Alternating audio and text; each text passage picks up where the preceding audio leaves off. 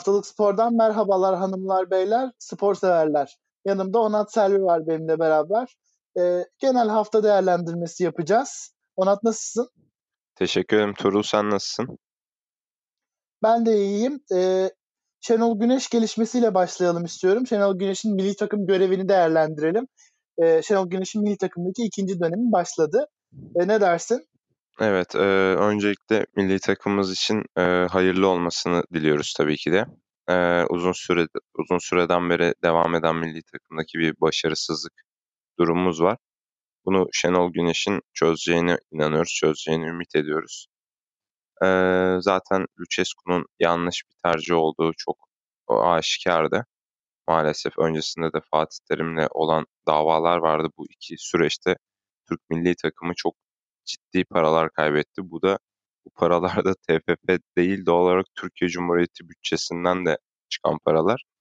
Yani bunların hesabını Yıldırım Demirören Bey verecek mi gerçekten merak ediyorum.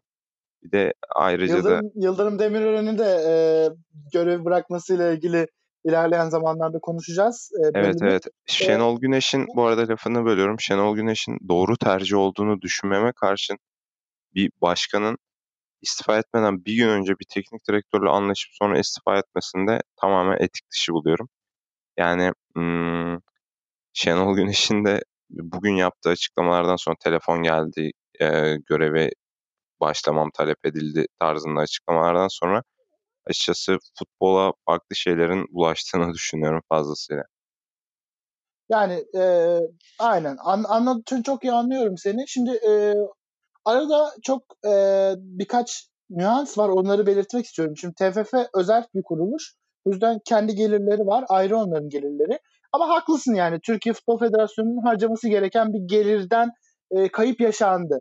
E, TFF'nin daha önce de açıklamışlardı. Sponsor gelirleri falan ayrı, ayrı onların. Evet ayrı olmasına evet. karşın yalnız şöyle bir durum var. Ee, bu verilen meblalar tamamen gelir olarak yetmiyor ve yetmediği durumda da Türkiye Futbol Federasyonu Türkiye Cumhuriyeti'ne bağlı olduğu için bütçeden alıyor yetmediği kısmı. Yani evet tabii ki. Böyle, ee, böyle. Bir de zaten e, sponsor olan galiba taz Aynen sponsorlara hiç gelmeyelim. Ee, evet. Lucescu'nun tazminat bedeli e, Fatih Terim'ikinden daha fazlaydı galiba. Öyle mi? Valla bedelin e, netliği hakkında bir bilgim yok ama Lucescu zaten hem yıllık aldığı parayla hem de tavırlarıyla düşük bir tazminata imza atmayacağı çok belli kendisinin. Şimdi Şenol yani. Güneş'in e, geçtiğimiz e, iki yıl çerçevesinde Türkiye Futbol Federasyonu ve milli takım göreviyle yaptığı bir flört vardı. E, gizli olduğu söylenen ama aslında gizli olmayan buluşmalar oluyordu. E, evet. Şenol Güneş hem Beşiktaş'ın hem de milli takımın zamanından yani doğru söylemek çok doğru olur mu bilmiyorum ama yani benim düşüncem Şenol Güneş ve milli takımın sergilediği bu politika aynı zamanda Beşiktaş yönetiminin de tabii ki bir politikası var burada. Sonuçta onlar da başarısız gözükmek istemiyorlar. Teknik direktörlerini kaybetmiş gibi gözükmek istemiyorlar. Çünkü Beşiktaş iki yıl üst üste şampiyon oldu bu teknik direktörle ve bu başarıları yaşamış. Üstüne de Şampiyonlar Ligi'nde e, mağlubiyet görmeden gruptan çıkmış bir hocayı takımın başından kolay kolay gönderemezlerdi. Bu evet. politikalar çerçevesinde hem Beşiktaş büyük zaman kaybı yaşadı hem de senin de söylediğin gibi Lucescu faciası yaşandı. E, bu süreci bir de değerlendirmeni isterim. Ee, Lucescu'nun geldiği zaman e, Beşiktaş'ın Beşiktaş'tan Şenol Güneş'i milli takıma getirmenin doğal olarak imkanı yoktu. Ee, bu açıdan o en başta gelebilirdi kısmına ben o konuda aynı düşünmüyorum. Fakat dediğin gibi bu süreçte birçok flörtleşme oldu. Bunun sebebi şu, e, Fikret, bunun ana sebebi Fikret Orman'la Şenol Güneş arasında yaşanan sıkıntılar. Şenol Güneş hep başarılıydı hep iyi devam etti ama bu iyi devam ettiği süreçte oyunculara satıldı. Bazen istediği oyuncular dışında istemedi. Fikret Orman'ın mesaj verme transferleri yapıldı. E, Şenol Güneş Beşiktaş taraftarı tarafından doğal olarak başarılar, başarılarına ötürü çok seviliyordu. Buna karşın e, Fikret Bey tam olarak anlaşamıyorlardı. Bu çatışmalardan Fikret Orman muhtemelen hem kendisi milli takıma gitmesini istiyordu ama Beşiktaş taraftarına da kötü gözükmek istemiyordu. Hani verdim vermedim davaları oldu sürekli. Şeye benziyor bu Fatih Terim'in Ünal Aysal dönemindeki gidişine biraz benzetiyorum bu açıdan. Yani Şenol Güneş'in şahsı bazlı bu konuda bir eleştiri yapamayacağım. Onun dışında gelişen birçok konu var. Ayrıca da tercih olarak da Şenol Güneş'in e, yanlış bir tercih olduğunu düşünmüyorum. Yaşına ötürü konsantre olursa hani Trabzonspor, daha önce milli takım, Bursaspor, Beşiktaş bunların hepsinde yaptıkları ortada. E, performans olarak kendi tercih ettiği oyuncular getirildiği sürece hep başarılı olmuş bir hoca. Ben yine en azından Lucescu'dan daha başarılı olacağına inanıyorum. Şenol Güneş'in e, senin de değindiğin gibi e, başarılı bir teknik direktör olmasıyla bir de şöyle bir e, durum da var. Milli takımın güncel kadrosu Şenol Güneş'in sevdiği tarzda genç e, geliştirilmeye açık oyunculardan oluşuyor. Tabii birkaç da 27-32 yaş arasında tecrübeli oyuncu da var. E, Şenol Güneş'e uygun bir kadro Şenol Güneş'in önünde olacak. E, kadro açısından ve önümüzdeki iki maçta da görev aldı e, kritik maçlar var. E, o açıdan da bir değerlendirelim. Ondan sonra Beşiktaş'ın ligin kalanındaki e, konsantrasyonuna e, ve teknik değerlendirmesine başlayalım. E, kadro açısından yani şöyle Şenol Güneş istediği oyuncular geldiği sürece hep verim vermiş bir hoca ama buna karşın istemediği oyuncuları alırsa biraz açıkçası takıntılı bir insan. Mesela Jermaine Lens'i istemedi kesinlikle ve verim de almadı kendisine açıkçası. Mesela Tolga'nın kalitesi tartışılmaz bir oyuncu ama Şenol Güneş beğenmiyordu ve kendisinden verim almadı. Buna karşın istediği tüm oyuncuları geliştirdi senin de dediğin gibi. Onlarla oynamaya alıştı, iyi toplar oynattı. Milli takımda da doğal olarak e, tamamen ülkeler bazı bir kadro seçilimi olduğu için önde e, yüksek sayıda bir oyuncu profili var nicelik olarak. E, niteliği tartışılır ama genç bazı iyi oyuncularımız da var. İşte Cengiz olsun, Enes olsun. Cenk'i zaten hoca çok seviyor önceden beri ve yeni Zeki olsun. Birçok oyuncumuz var yani. Okay İspanya'da devam ediyor. Aslında iyi İtalya bir şey. liginden iki tane kanat oyuncusu var. Her her milli takımda olmaz bu. Bir kanatta Hakan Çalhanoğlu, evet. diğer kanatta Cengiz Ünder var. Evet Hakan'ı da unutmuştum. Ee, yani çekirdek olarak aslında iyi bir çekirdeğe sahibiz. Bence de Şenol Güneş senin de dediğin gibi bu profilden kesinlikle verim alabilir. En azından birkaç senedir alınamayan verimi alabilir. O zaman e, Kagawa transferini de belki konuşabiliriz. Fikret Orman'ın bir mesaj e, transferi olarak değerlendirilebilir mi? Beşiktaş'ın ligin kalanında bir konsantrasyon sorunu olur mu e, teknik direktör açısından? Çünkü Beş... Beşiktaş taraftarlardan e, şöyle bir tepki alıyoruz. Ş- Şenol Güneş Beşiktaş e, antrenman testlerinde milli takıma çalışıyor. Hani bize zaman ayırmıyor. Oyuncularla arası kötüye gidiyor. Yani ayrılsın, bu bağ kopsun. Biz yeni sezonu hazırlanalım diye düşünüyorlar. Öyle istiyorlar. E, konsantrasyon açısından nasıl değerlendirirsin? Kesinlikle mantıklı buluyorum bu fikri. Yani artık zaten Beşiktaş'ın bir süredir bu konsantrasyon eksikliğini yaşadığı çok açık. Yani sadece Şenol Güneş'in milli takıma gitmesine bağlayamayız bunu. Ee, bir süreden beri Beşiktaş'ta işte maaşların ödenmediği olaylar oldu. Pepe'nin gidişi, Quaresma gitmeye çalıştı, Vide gitmeye çalıştı. Hani birçok sağ dışı faktör oldu. Ee, Beşiktaş'ın konsantrasyon kaybı, ana konsantrasyon kaybının sebepleri bunlar. Ee, sene başında tam olarak Şenol Güneş'in istediği oyuncular alınmadı vesaire. Beşiktaş bu yüzden tam olarak konsantre olamadı. E dedikleri milli takım süreci de etkili. Bu bugünden itibaren yani açıkçası aslında iki haftadan beri artık Şenol Güneş Beşiktaş'ın üstünde böyle açıkçası ruh gibi gezinen bir hoca durumunda. Bence de Beşiktaş taraftarına katılıyorum. Fazla uzatmanın anlamı yok. Kimse arasında kırgınlık olmayacak. Beşiktaş'ın sezon geri kalanında şampiyon olamayacağı da açık. Ee, Şenol Hoca'nın sezon geri kalanında yapacağından yerine gelecek insanın yine sezon geri kalanında daha kötüsünü yapacağına inanmıyorum. Bence de artık milli takımla işlerin netleşmesi ve Şenol Güneş'in Beşiktaş'tan ayrılması gerekli. Kagawa transferinde de yani mesaj transferi diye düşündüyse şunu söylemek lazım. Ee, Kagawa bir sakatlıktan çıkmıştı ve kiralandı Kagawa. Bildiğim kadarıyla satın alma opsiyonu da yok. Böyle bir durumdaki oyuncuyu hani nasıl bir mesaj vermeye çalıştı bilemeyeceğim ama Şenol Güneş'in çok da istemediğine ben de katılıyorum. Kagawa tabii ki de kalitesi tartışılmaz bir oyuncu ama Şenol Güneş oyuncuları kalitesine göre seçmiyor. Lens de kaliteli bir oyuncuydu. Tamamen kendi e, düzenine göre, istediği oyuncu profiline göre seçiyor. Bu yüzden bence de Fikret Orman'ın getirdiği bir oyuncuya benziyor. Kagawa sana katılıyorum.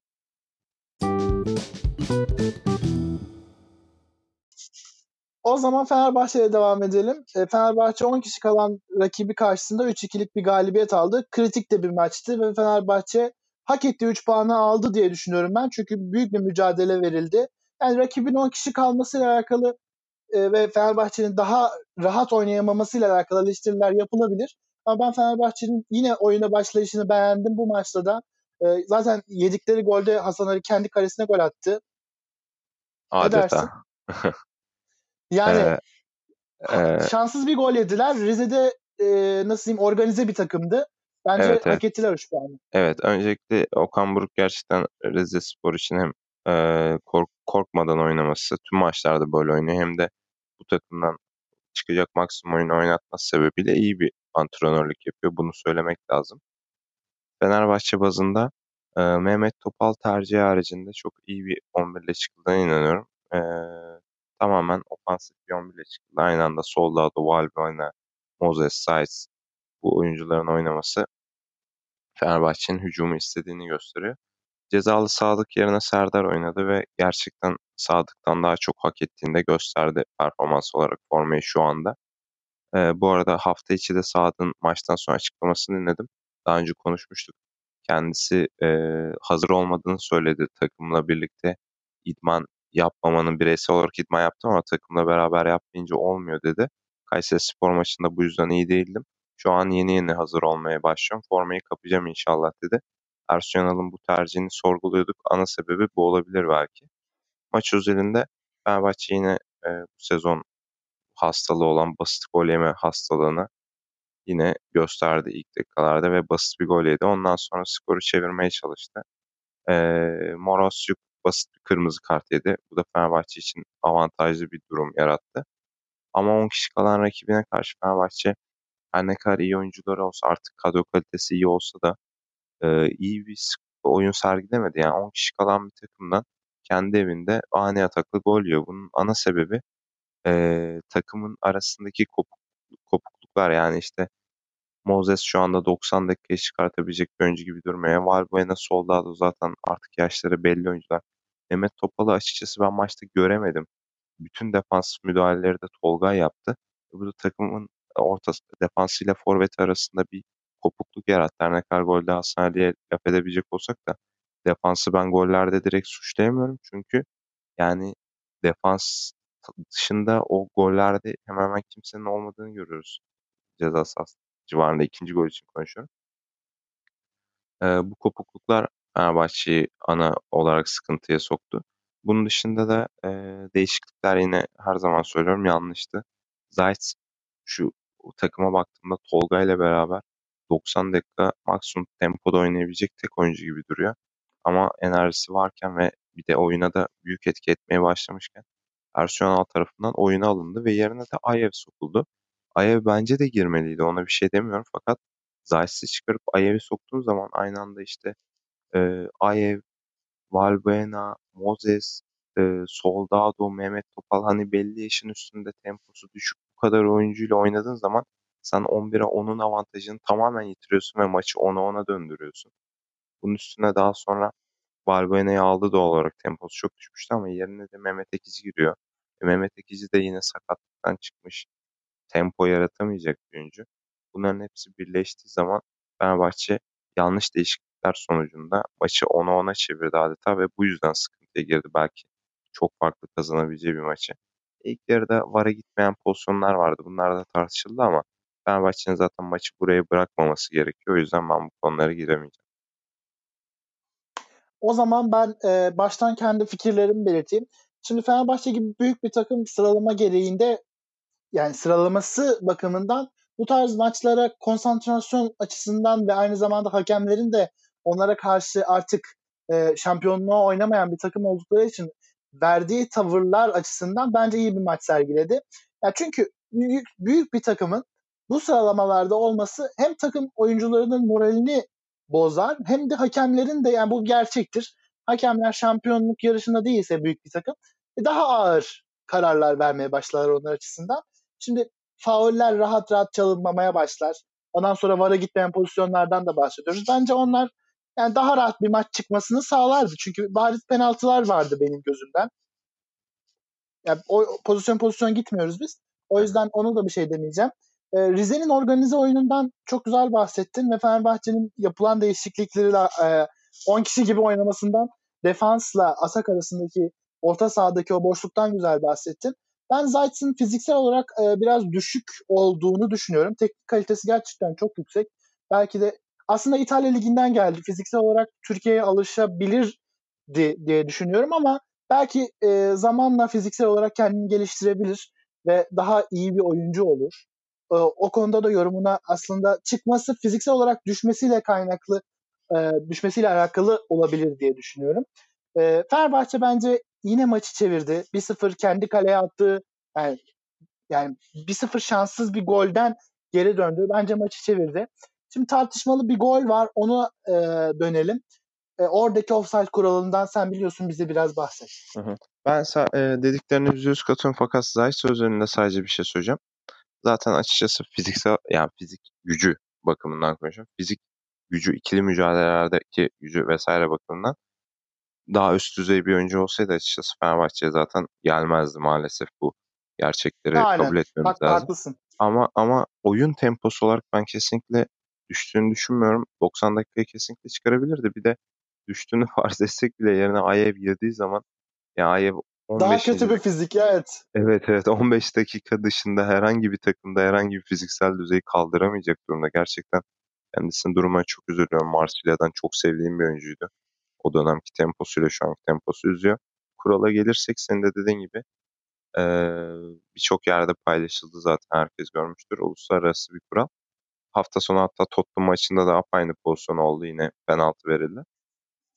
Ee, eğer offside olan oyuncuya top henüz temas etmediyse henüz top temas etmeden kendisine bir foul yapılırsa, dirsek atılırsa, herhangi bir yani oyun dışı bir hareket yapılırsa oyun dışı hareket geçerli olacak. Çünkü zaten görüyoruz oyunculara top ayağına temas etmeden offside de çalınmıyor. Bunun sebebi eğer offside baz alırsak daha sonra oyuncuya yapılan hareketleri ee, hani meşru bırakmış oluruz mantığı.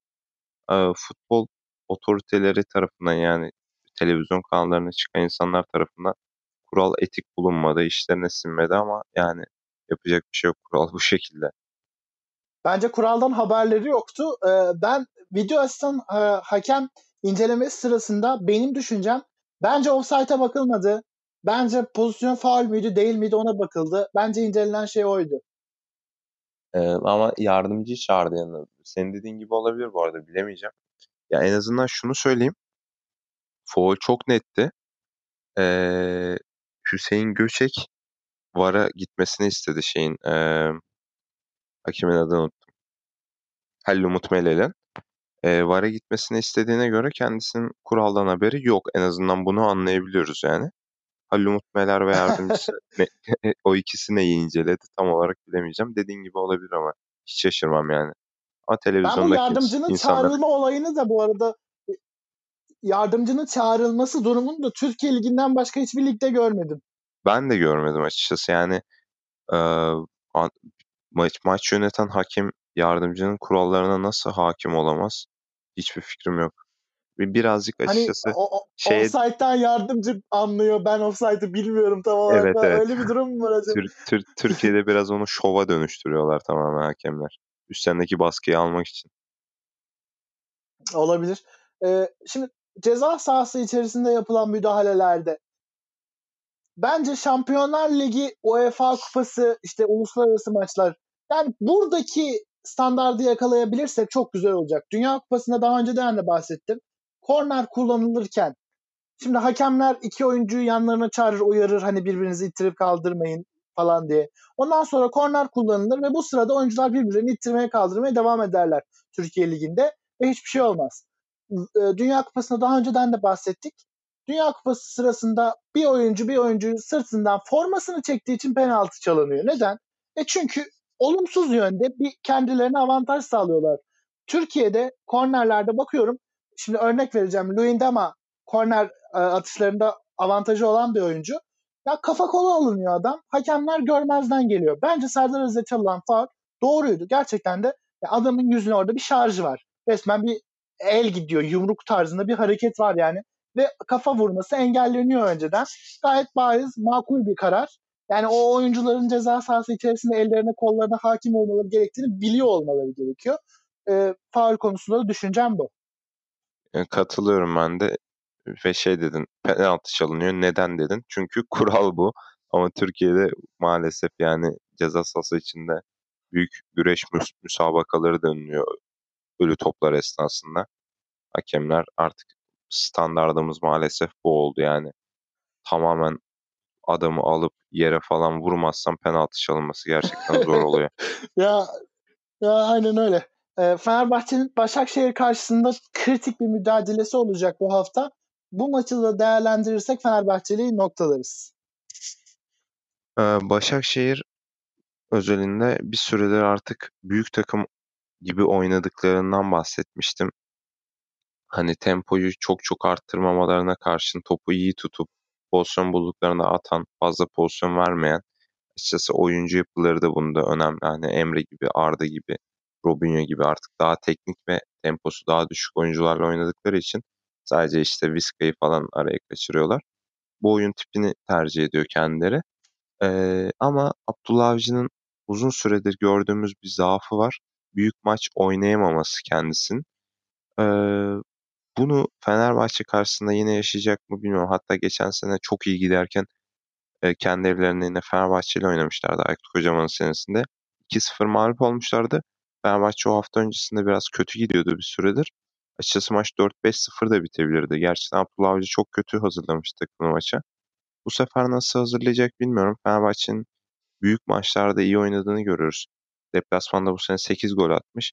5'ini Galatasaray'la Beşiktaş'a attı. Birinde Trabzon'a attı hatta. Ee, yine ben Fenerbahçe'nin iyi bir maç çıkartacağını düşünüyorum şu anda. Öyle veya böyle bir ivme de yakaladılar.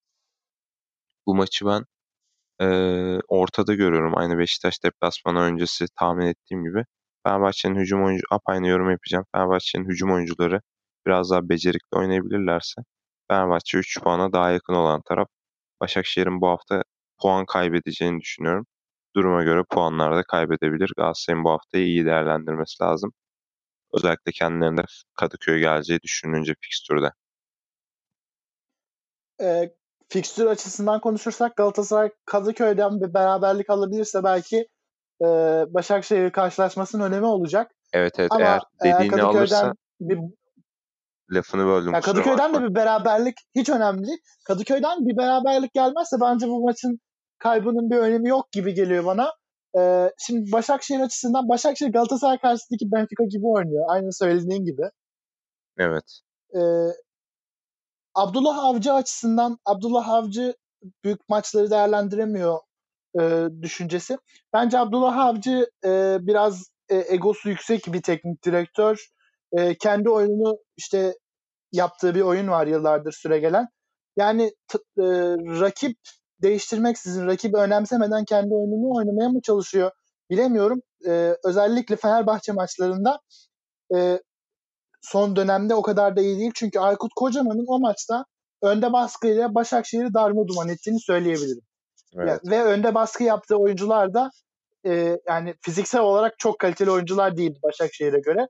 Aynen. Yani Fenerbahçe yine o önde baskı oyunuyla oynarsa Ersun Yanal'ın Beşiktaş maçının ikinci devresinde e, yaptığı gibi bir oyunla başlarsa Fenerbahçe e, beraberlik değil bence galibiyet alır. Ayrıca iç sahada Saracoğlu'nda arkasında da taraftar olacak.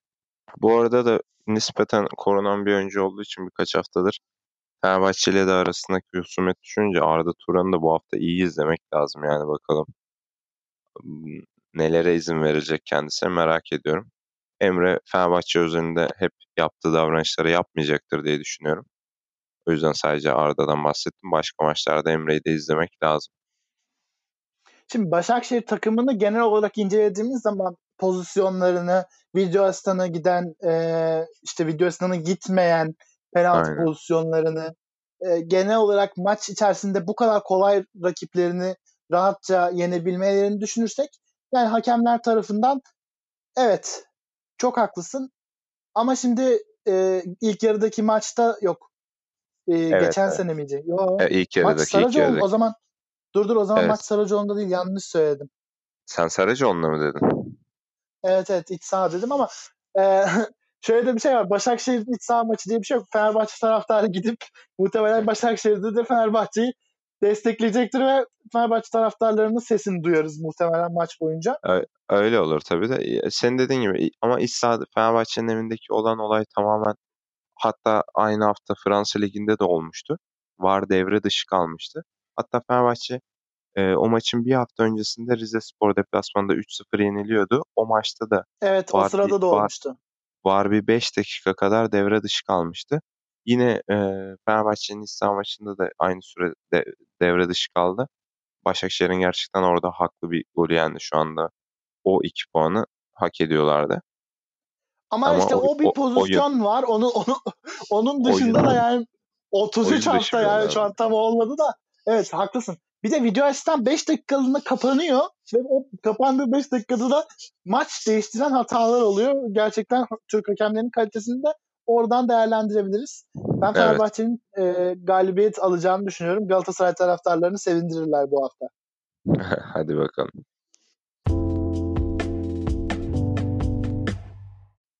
Galatasaray'a devam ediyoruz. Galatasaray Erzurumspor'la e, berabere kaldı deplasmanda. Galatasaray moralsiz gözüküyor son haftalarda. Akhisarspor'u iç sahada zar zor yendi.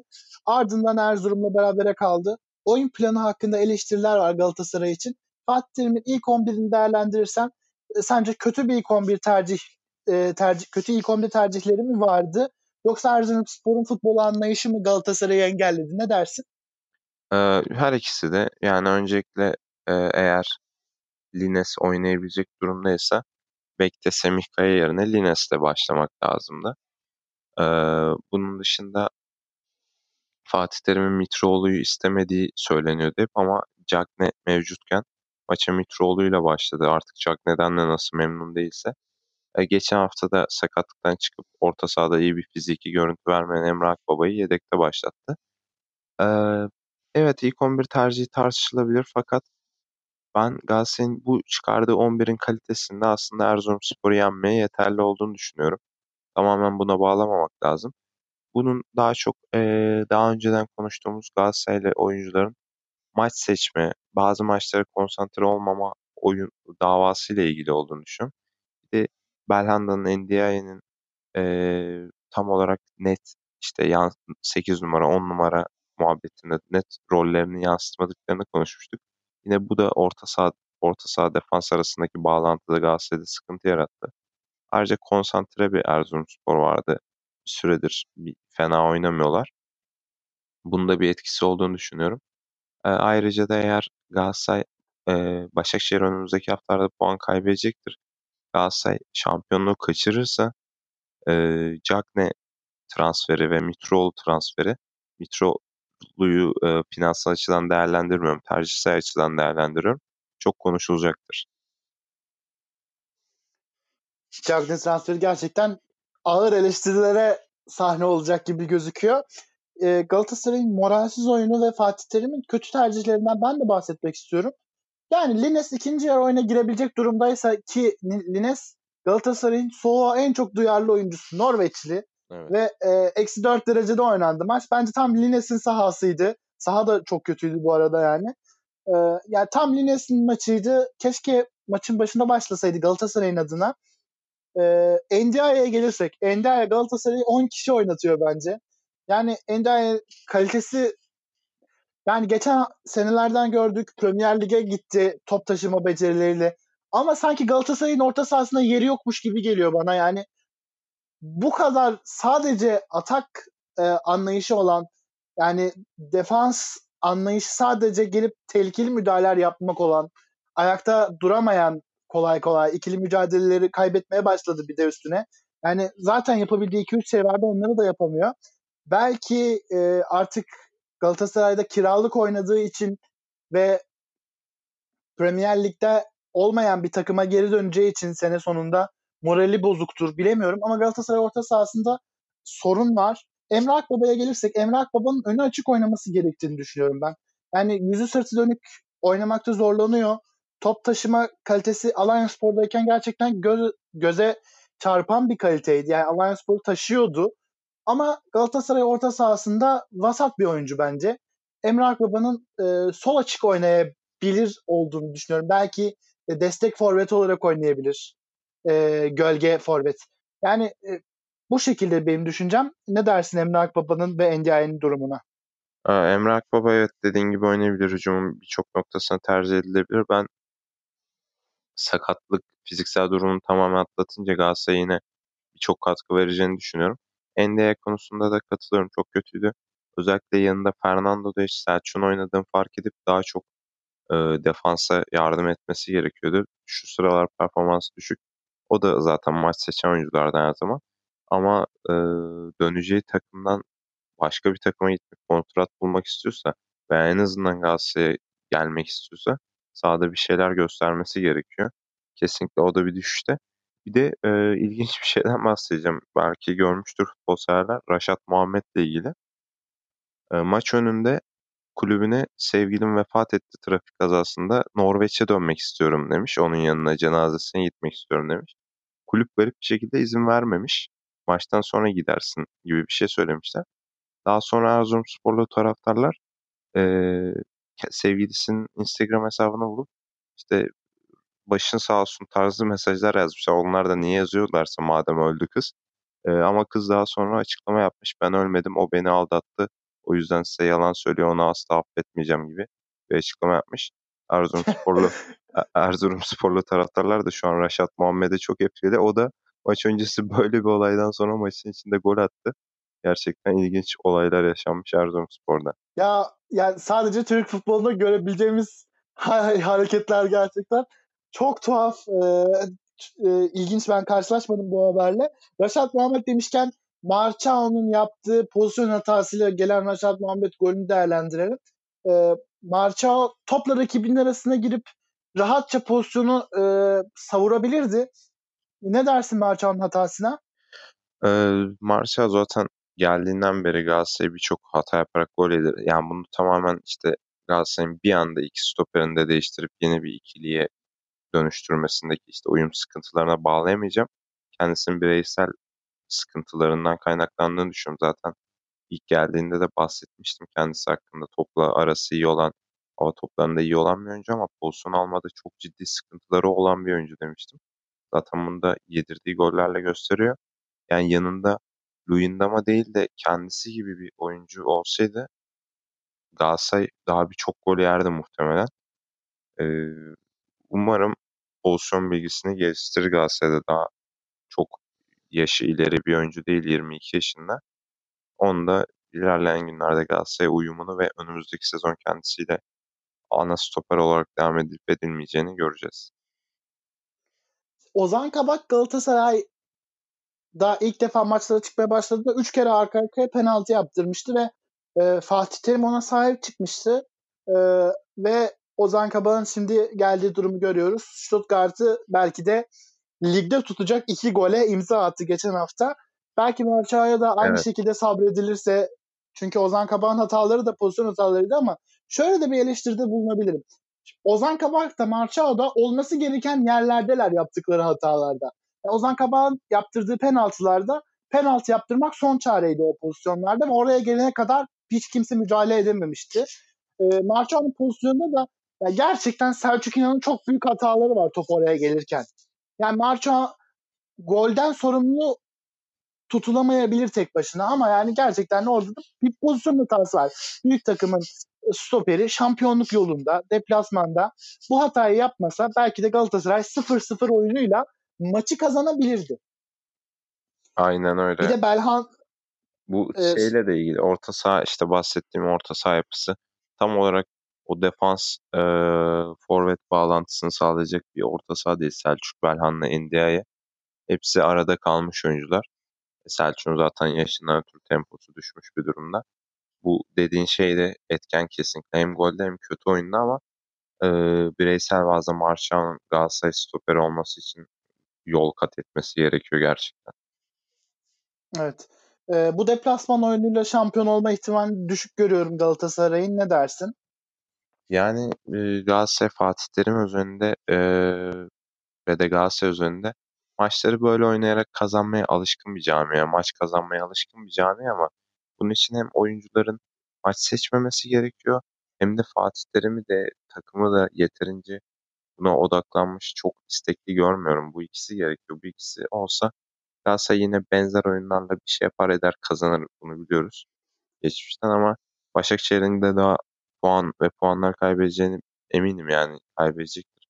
Ama bu süreçte Galatasaray'ın da puan kayıpları yaşaması muhtemel duruyor bu oyunla. Sana katılıyorum.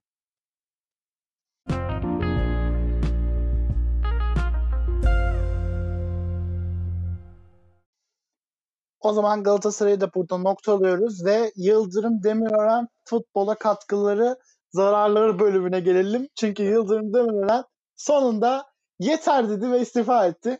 Ee, ne şöyle, dersin Yıldırım Demirören'in prosedür açısından istifasına? Yani şöyle, gerçek bir istifa değildi herhalde. Şöyle söyleyeyim. Futbola katkılarını konuşmaya başlıyorum ve futbola katkıları sona erdi.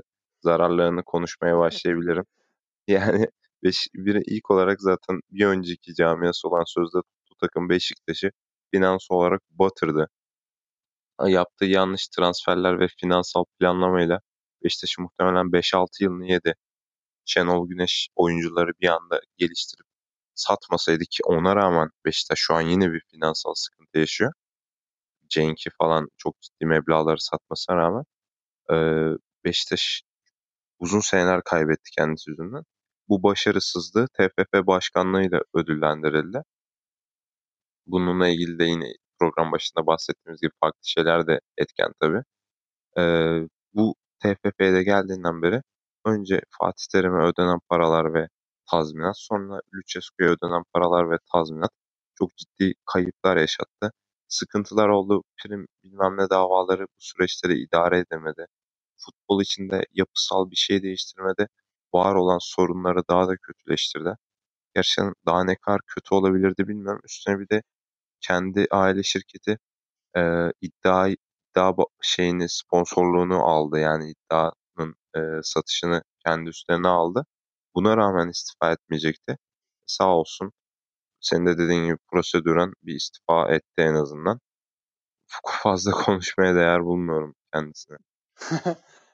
Arada e, bir de e, sana hatırlatayım birkaç tane de böyle Euro 2024 e, işte Dünya Kupası başvuruları tarzında sürekli başvurduğumuz ve yani gerçekten en son bu başvuru videosu vardı. Nusret falan oynuyordu yani.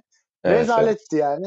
Evet. Futbolla hiç alakası olmayan e, başvuru dosyaları işte birlikte paylaşıyoruz falan tarzında sloganlar. Paylaşmak yani birlikte yapılan bir eylemdi. Ben çok saçma bulmuştum o sloganı. Buradan da belirtmek istiyorum. Hata var slogan. Anlamsız yani.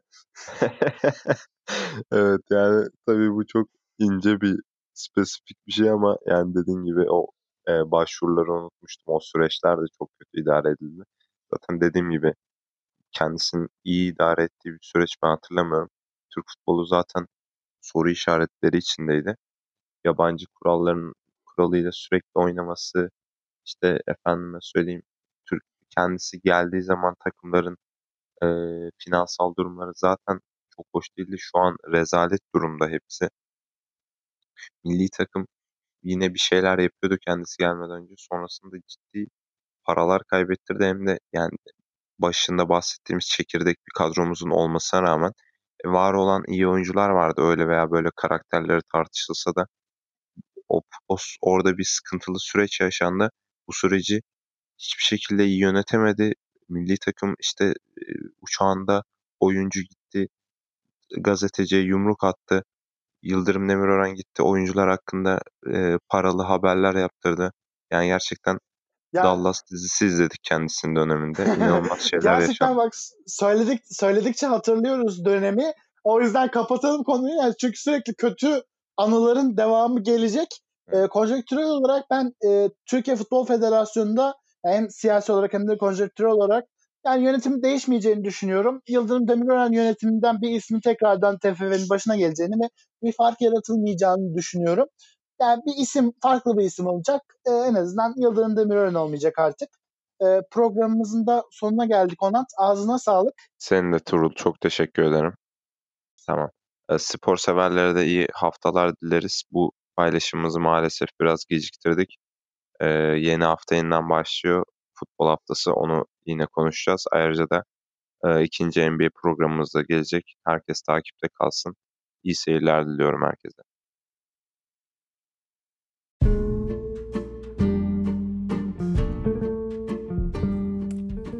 Spor severlerin dikkatine. Haftalık Spor'un bu bölümünün sonuna geldik. Bizleri Apple Podcast, Spotify ve Google Podcast'ten dinleyebilirsiniz. Haftalıkspor.gmail.com adresine gönderdiğiniz mesajları dikkate alıyoruz. Eğer bizleri farklı bir platformdan da dinlemek istiyorsanız lütfen bize bildirin. Onat Selvi ile bu hafta Süper Lig'in genel durumunu değerlendirdik. Görüşmek dileğiyle.